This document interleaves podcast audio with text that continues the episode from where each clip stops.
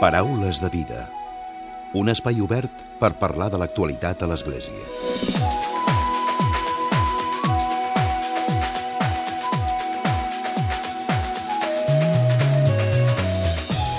Què tal? Salutacions i molt bon dia, molt bon diumenge. La col·lecció Petit Fragmenta de Fragment Editorial continua creixent. Ara ho fa amb el sisè Sentit, un llibre de Laia Daumada amb il·lustracions de Mercè López en què ens parla dels cinc sentits que tots coneixem i identifiquem d'una manera fàcil, però també d'un altre, un sisè sentit.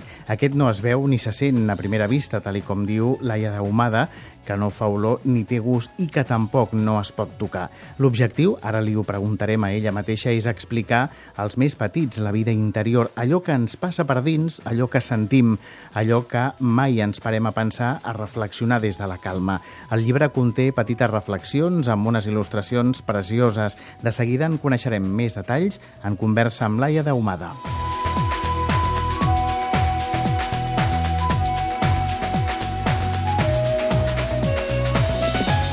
I com sempre, a la recta final del Paraules arribarà un nou comentari de l'actualitat de Francesc Romeu. Comencem.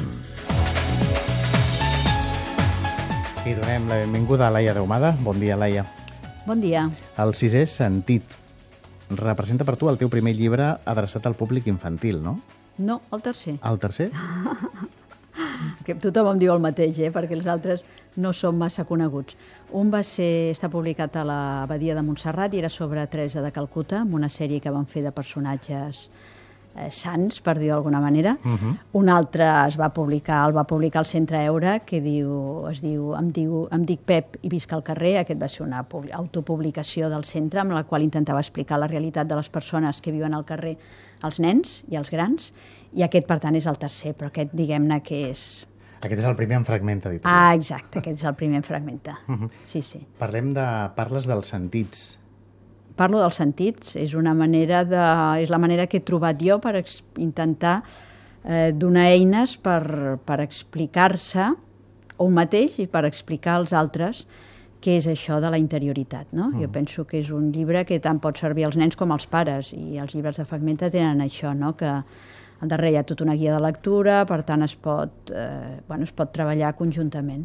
De fet, ara et volia preguntar si és pel públic infantil, però també l'adult que el llegeix li, li serveix, no? Per, sí, sí, precisament sí. per fer-li arribar el missatge al, al petit. Sí, sí, inclús hi ha hagut mm, preadolescents i bueno, pares amb fills preadolescents que ho han dit, no? Diu, els ha agradat molt, ha estat una manera de, de poder explicar sobretot explicar-se, no? perquè jo sempre, la meva batalla és el llenguatge, no? com poder expressar, i, i aquest sentiment que tens de, en moments de dir, que ho expreso també així, no? de dir, uala, no? què m'està passant, no? aquest sentiment de meravella, com poder-hi posar paraula, perquè si no, clar, no, no, no saps què et passa per dins, no? Posar paraula d'una manera didàctica, no? Vas primer parlant dels cinc sentits mm -hmm. fins que arribes a dir, a partir d'aquí la cosa ja canvia, no? Exacte. Aprofito aquest sisè sentit que, segons el diccionari, doncs, té relació amb això, amb, amb això que no es veu a simple vista, que és una intuïció, també podríem dir, i aleshores explico els cinc sentits, que són evidents, tot nen els coneix, gairebé és el primer que s'aprèn, per arribar a un moment que tots aquests sentits poden desaparèixer, però seguim sentint. No? I fem aquest salt, que en el conte també està molt ben explicat, perquè passem de, de la llum a la, a la, a la foscor, però que no és foscor, eh? Vull dir, perquè és una foscor plena de, de llum també, no? però que fa aquest salt perquè diu, bueno, ara ja estem en el món interior. Mm. De fet, comences dient, algun cop he sentit coses dins meu que costen d'explicar. No? Sí, I aquí sí. ja tots ens identifiquem, no? En aquell Sí, sí, moment sí. és el moment en què diem, sí, és veritat, no? ens passen coses per dins que no sabem exterioritzar. Sí, sí, que no exterioritzem la majoria de les vegades, no? perquè moltes vegades l'altre tampoc no t'entén si no ho has sentit. I per tant, a vegades dius, bueno, doncs no ho explico perquè tampoc no, no m'entenen o se n'enriuen, no?, en el cas dels nens, eh, uns i els altres. I en canvi aquest poder posar paraules eh, t'ajuda a avançar, perquè si no sempre estem en el mateix lloc, no? A mesura que ens expliquem, anem creixent. Com- i ens anem entenent. Ho vas explicant de manera molt senzilla, oi? Mhm. Amb petits fragments eh, explicatius. Després parlarem també de, del que és, són els dibuixos, les il·lustracions de, de Mercè, de la Mercè, però parlem de quan arribes al sisè sentit. Això ja com ho planteges?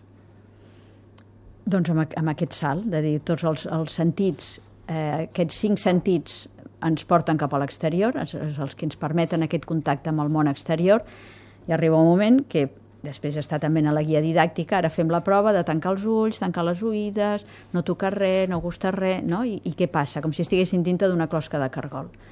I aleshores, a partir d'aquí, què passa?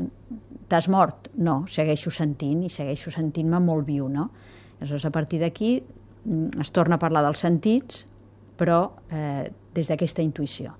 I és difícil parlar dels sentits a través de la intuïció i sobretot pel públic infantil? No, que va, no? jo penso que molt millor que nosaltres, clar. És més fàcil? Home, i tant, perquè ells en saben perfectament quan la, un nen petitíssim ja sap si el pare està o la mare estan malhumorats, si estan nerviosos, no? doncs és aquesta, aquesta intuïció, saber de seguida, o si estan tristos també i, o saber si està passant alguna cosa important, no? també ho noten i ho perceben, no? que el nen està nerviós, bueno, perquè tu també estàs nerviosa, no? doncs que, és dir, està què està passant? una inquietud. No? Exacte, una... per tant tenen aquesta percepció claríssima i tenen aquesta percepció que nosaltres hem perdut d'aquell nen que et ve i et diu és que jo he sentit bategar l'arbre, no?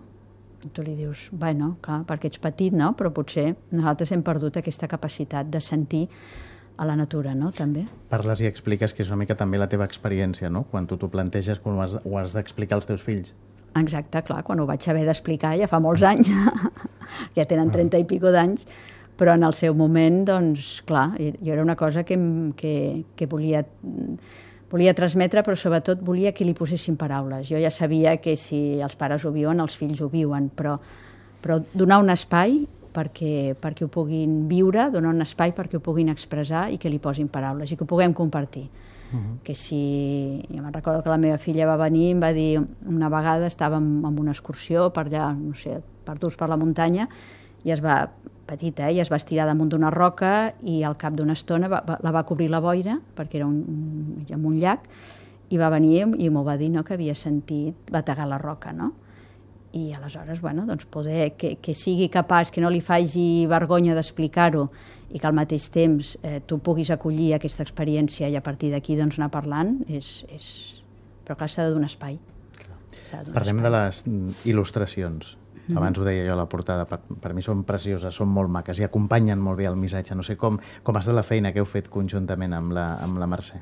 Fantàstica, jo també ho he, ho he trobat, eh? va ser, bueno, no ens coneixíem, sí que vam tenir una reunió prèvia, amb ella li va agradar, agradar molt el text, vam estar parlant de com, de com ho volíem, també amb la Inés de Fragmenta.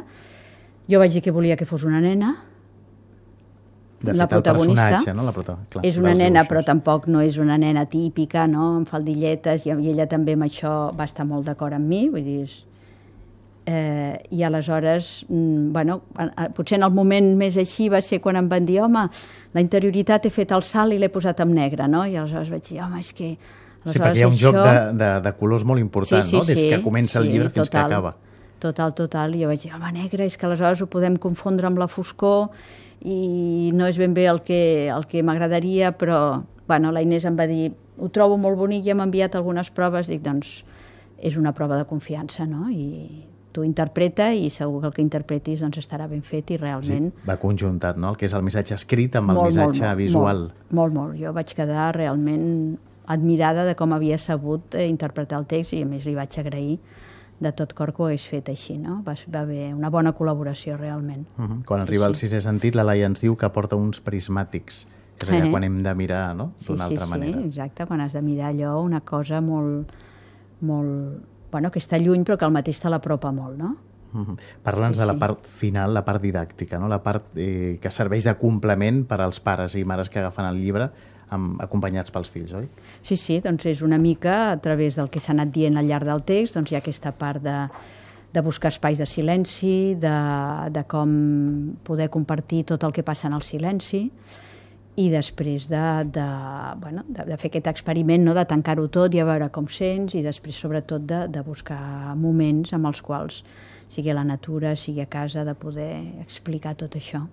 Suposo que és important destacar aquest missatge, no? que parles ara del, del silenci, de fer el silenci quan estem en una societat en la que els nens estan connectats permanentment i no tenen ni un minut de, de silenci, precisament, no? estan connectats a màquines o estan en contacte permanent amb, amb la gent, no? Sí, sí. Però és que els pares també. Tots, Aleshores, tots. Ah, exacte. Vull dir que, clar, es fan una mica també el que, el que veuen fer, no? Jo penso que si un se'n va a la muntanya els caps de setmana o se'n va a la muntanya de vacances o, o troba un moment de tranquil·litat, ni que sigui a la ciutat amb el qual el pare no, o la mare no s'estigui mirant el mòbil, sinó que estigui escoltant el que li diu el fill, i, i el nano troba que la conversa doncs, és, és molt més interessant que, que el que li pugui dir al mòbil en un WhatsApp, per exemple, jo- que no trobarà color, s'ha de trobar equilibri, evidentment, però penso que les dues coses són compatibles. És un llibre, Laia, per aprendre a valorar el silenci, És un llibre per aprendre a valorar la interioritat. la interioritat, Sí, que ve acompanyada també de silenci. També, No? i també de presència, i també de d'estar atent i també de saber aquesta, de, de, de potenciar aquesta intuïció que ens fa veure allò que no es veu a simple vista. Mhm. No sé si, a banda del, del públic general que pot tenir el llibre, si també es pot fer servir per a escoles a l'hora Sí, de, sí, de tant. plantejar-ho, no? de plantejar el, el, el tema no? del silenci, de la interioritat dels infants. Sí, sí, sí. Sí, sí, No sé si- i tant, i tant. Sí, sí, jo penso que sí, que pot ser una eina, una bona eina, és una eina més, no? És el que he dit abans, és una manera d'explicar-ho. Quina és la resposta que heu tingut del, encara que porti pocs, eh, pocs mesos? Bueno, del... el que hem rebut és que, és que ha agradat. Ha agradat tant el que era el text com el que eren les il·lustracions. Eh? S'està S'està venent bé, vaja, que està, està agradant. Jo que es vengui o no, mira, la gent compra, però si no s'ho llegeix o no li agrada, tampoc no... Però sobretot el no missatge té- no? que, que dona el però, llibre. No? La... Sí, sí, sí, el que és el missatge penso que, que està agradant, sí. Uh -huh. Laia, doncs gràcies avui per, per haver-nos acompanyat presentant a, aquest llibre, aquest sisè sentit. És un llibre de, de la Laia Daumada amb les il·lustracions de, de Mercè López per aprendre aquesta interioritat que, que tots necessitem també, aquesta calma, no? Moltes gràcies a vosaltres. Gràcies, Laia. Paraules de vida. Un espai obert per parlar de l'actualitat a l'Església. I tot seguit, i des de l'estudi, saludem Francesc Romeu. Francesc, molt bon dia. Molt bon dia a tothom. Setmana de canvis importants al Vaticà. Després de la gran festa de la creació de cinc nous cardenals i la celebració del consistori, és a dir, la trobada de cardenals de tot el món, el passat dijous 29 de juny, festivitat dels Sants Apòstols Pere i Pau, i entre els quals hi havia també el nostre arcabisbe de Barcelona, el nou cardenal Joan Josep Omella, el papa francès s'ha decidit a fer uns canvis en el màxim organisme de servei i també de poder en la Santa Seu, la Cúria. El primer canvi ha estat amb el prefecte del Secretariat per l'Economia, és a dir, el director de les finances de la Santa Seu, l'australià George Pell, acusat pels tribunals de justícia del seu país pels escàndols de pederàstia de l'Església australiana i per la seva polèmica actuació davant d'aquests casos. El cardenal Pell, que ostenta aquest càrrec d'absoluta confiança des del 2014 i que forma part dels objectius de la reforma del papa francès, va compareixer davant la premsa per reconèixer la seva absoluta innocència, però també va informar que es traslladarà a Austràlia per presentar-se davant de la justícia, atès que el papa li ha suggerit que doni comptes de les seves actuacions. Una manera d'actuar bastant diferent de la que es va fer amb el cardenal Bernard Francis Lowe, arcabisbe emèrit de Boston, que el van acollir al Vaticà el 2004 per emparar-lo i protegir-lo de la justícia nord-americana. El cardenal Pell compareixerà davant del Tribunal de Melbourne el proper dimecres 26 de juliol. L'altre canvi important ha estat el relleu del prefecte de la Congregació per la Doctrina de la Fe, el cardenal alemany Gerhard Müller, que ostentava aquest càrrec ara ja fa justament cinc anys, nomenat encara pel papa Benet XVI poc abans de la seva renúncia.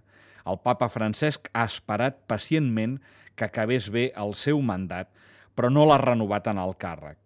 Molts s'han referit a Müller com un teòleg ultraconservador i que tots aquests anys ha mirat amb sospita tots els passos doctrinals del papa francès. Tot i que no forma part dels quatre cardenals que ostentosament i amb males formes s'han posat en contra del papa, sí que ha estat un home que no ha vist gens clar els treballs i els posicionaments dels dos darrers sínodes sobre la família, ni tampoc l'exhortació apostòlica postsinodal a Moris Letizia, sobretot pel que es refereix als divorciats tornats a casar. Alguns diuen que el papa li va oferir un altre càrrec al Vaticà, però sembla que el va refusar i que retorna definitivament cap a Alemanya. Recordem també que Müller va quedar molt malament quan al març passat la irlandesa Marielle Collins, víctima d'abusos sexuals per eclesiàstics en la seva infantesa, van renunciar al seu lloc en la Comissió per la tutela de menors, creada pel papa Francesc. Collins va acusar la congregació per la seva manca de col·laboració i d'una vergonyosa i inacceptable reticència a les investigacions. Després del papa i de la Secretaria d'Estat, hem de dir que la Congregació per la Doctrina de la Fe és l'organisme que ostenta més poder en la Santa Seu i que és com un ombra pràcticament present en totes les altres congregacions. En el lloc del cardenal Müller, el papa ha anomenat el que fins ara era el secretari de la Congregació per la Doctrina de la Fe, el jesuïta mallorquí Lluís Ladaria Ferrer, de 73 anys i gran teòleg. Tot i que molts s'han referit a la Dària com un teòleg conservador, val a dir que el seu currículum l'acredita com un home d'absoluta confiança del papa Francesc. La Dària havia estat nomenat ja fa uns mesos com a responsable de la comissió sobre el diaconat femení i també formava part de la comissió encarregada pel diàleg amb els lafabrians. Recordem que aquest jesuïta va néixer a Manacor, Mallorca, l'any 1944 i va estudiar filosofia a Comilles i teologia a la Universitat Sant Georgen de Frankfurt. Es va doctorar en teologia per la Pontifícia Universitat Gregoriana de Roma, on va arribar a ser-ne el seu vicerrector. Durant tots aquests anys ha estat també membre nomenat pel papa Sant Joan Pau II de la Comissió Teològica Internacional des del 1992 i consultor de diverses congregacions. És un bon coneixedor de l'antropologia cristiana, la cristologia i els primers pares de l'Església. Per tots aquells que són una mica més escèptics amb les reformes del papa Francesc, els hi hem de dir que comença molt a poc a poc i amb molta prudència la definitiva renovació de la cúria. Molt bon diumenge a tothom.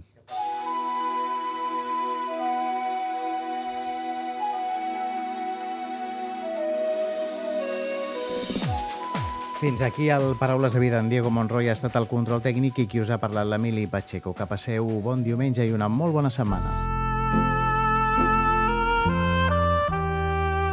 Us oferim la carta dominical de l'arcabisbe de Barcelona, Joan Josep Omella.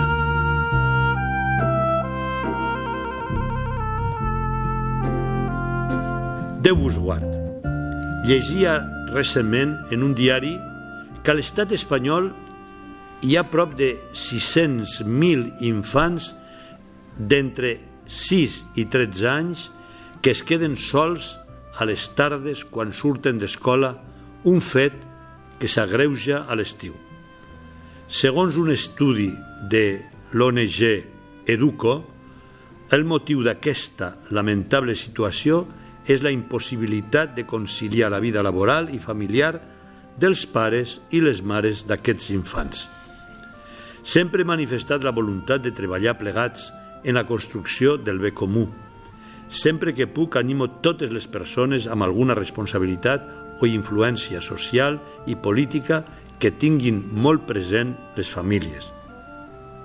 Oi que hauria de fer el mateix pels nostres infants, que són un tresor per la nostra societat? Volem que tots els nens i les nenes, independentment del seu context social, puguin créixer com a persones i tinguin oportunitats de futur. Per això, cal que totes les instàncies civils, polítiques i religioses treballen al servei dels infants, col·laboren amb pares, mares i familiars per ajudar-los a evitar la soledat dels menuts quan surten d'escola o durant els mesos d'estiu. Què podem fer per resoldre aquesta situació? El repte a assolir és la conciliació de la vida laboral i familiar – el diàleg amb molts matrimonis, famílies, personals, docents d'escoles i educadors de centres de lleure, em fa adonar del gran repte que tenim totes les institucions a l'hora de promoure aquesta conciliació. A casa nostra, malgrat diverses tentatives, semblaria que això és impossible d'assolir. Ara bé, si mirem al nostre voltant, si analitzem la situació d'altres països d'Europa, ens adonem que no és impossible. Només cal una gran conscienciació sobre el tema i un esforç de les empreses, dels seus directius i de les institucions polítiques i civils per assolir aquesta anhelada conciliació que permeti als infants i joves gaudir de la necessària presència del pare i de la mare en sortir de l'escola o en els períodes de vacances. Mentre treballem per aconseguir la desitjada conciliació parental de la vida laboral i familiar, cal que l'Església ajudi allà on no pot arribar l'administració pública.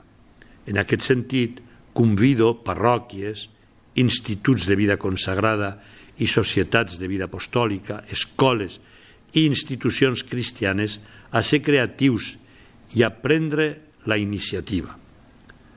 Us animo a oferir el vostre temps i els espais parroquials, escolars i propis per acollir els nens i les nenes que pateixen les conseqüències provocades per aquesta manca de conciliació un cop surten de l'escola o dels casals d'estiu. Sé que molts ja ho feu i us felicito per aquestes iniciatives. Moltes gràcies. Teniu també exemples preciosos com els de Sant Felip Neri o Sant Joan Bosco, entre altres. Que el seu testimoni ens esporoni a tots a descobrir com ajudar a pal·liar aquestes noves pobreses que de vegades emergeixen quan l'economia no és al servei de la persona. Benvolguts germans i germanes, tenir cura de la família és assegurar el futur d'un poble. El papa Francesc ens recorda que la qualitat d'una societat es mesura segons el tracte que reben els infants i la gent gran. La nostra societat ha de ser conscient del valor dels infants. Tenir cura i protegir-los és clau perquè el nostre sigui un futur pròsper i més humà. Us hem ofert la carta dominical de l'arcabisbe de Barcelona, Joan Josep Omella.